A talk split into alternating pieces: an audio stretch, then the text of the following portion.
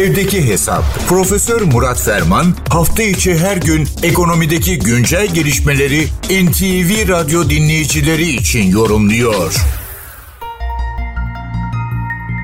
Satın alma gücü paritesi iktisatta kullanılan sıklıkla referans verilen bir kavram. Temel itibariyle 16. yüzyıla kadar mantıksal bir geçmişi var ama esas 2. Dünya Savaşı esnasında farklı para birimlerinin satın alma gücü veya satın alma imkanları çerçevesinde bunları acaba belirli bir eşitlik düzeyine getirebilir miyiz? Fiyatların kur oluşumu üzerindeki etkisini bertaraf edebilir miyiz? Bunu dikkate almadan birbirleri cinsinden satın alma güçlerini, satın alma imkanlarını ortak bir referans noktasında karşılaştırma imkanı sağlayabilir miyiz düşüncesinden doğmuş İsveçli Kasvel gibi önemli iktisatçıların açtığı yolda bugüne kadar gelinmiş. Satın alma gücü paritesi sıklıkla kullanılıyor günümüzde de. İşte ülkelerin satın alma gücü sıralaması da bu çerçevede ortaya koyuluyor. IMF, Uluslararası Para Fonu geçenlerde bu konudaki çalışmalarını güncelledi ve bu çerçevede aralarında Türkiye'nin de bulunduğu dünya ülkelerinin satın alma gücü paritesine göre 2024'te ne gibi bir performans göstereceklerine dair kestirimler öne kondu. Buna göre 2024 e, e, yılında birinci sırada Çin bulunacak. Neredeyse 33 trilyon dolarlık bir satın alma gücü paritesine göre en büyük ekonomi Çin olacak. Onu Amerika Birleşik Devletleri yaklaşık 27 trilyon dolarlık bir hacimle takip edecek. Üçüncü sırada Hindistan. Burada bir parça hemen cesamette, irilikte zecri yani önemli küçülmeler görülüyor. E, Amerika Birleşik Devletleri 27 trilyon dolarken Hindistan 13 trilyon dolarlık bir büyüklüğe erişeceği öngörülüyor. Aynı mantık devam ediyor. Japonya yarısı kadar bir kayıpla 6,5 trilyon dolarlık bir satın alma gücü paritesi esasında veya temelinde hesaplanmış bir büyüklükle 2024'ü tamamlayacak deniliyor.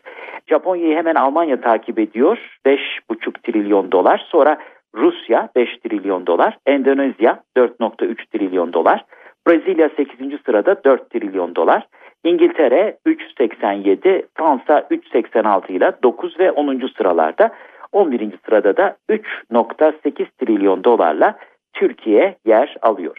Türkiye'yi de hemen Meksika, İtalya, Güney Kore ve İspanya takip ediyor. Dolayısıyla satın alma gücü paritesine göre 2024 sonu itibariyle dünyanın en büyük 15 ekonomisi arasında IMF kestirimlerine göre Türkiye'de yer alıyor ve 11. sırayla bu seneyi tamamlaması bekleniliyor. IMF ülke, e, ülkelerin 2000-2020 yılları arasında oransal olarak gayri safi yurt içi büyü, hasıla büyüme hesaplarına da yer vermiş. Bu raporda Türkiye'nin gayri safi yurt içi büyümesi 20 yılda yüzde 250 oranında gerçekleşmiş. Ama 2000 ila 2020 yılları arasındaki gayri safi yurt içi hasılası büyümesinde Çin gene birinciliği kimseye kaptırmıyor. Bu 20 yılda Çin tam yüzde 1266 oranında büyümüş. Yani 12 kattan fazla bir büyüme kaydetmiş. İkinci sırada Rusya var yüzde 466. Üçüncü sırada Hindistan var yüzde 440. Türkiye burada altıncı sırada yer alıyor yüzde 250'lik bir büyüme ile. Japonya'nın bir zamanların harika ve mucize çocuğu Japonya'nın yüzde altı ile en son sırada yer aldığını da söyleyelim.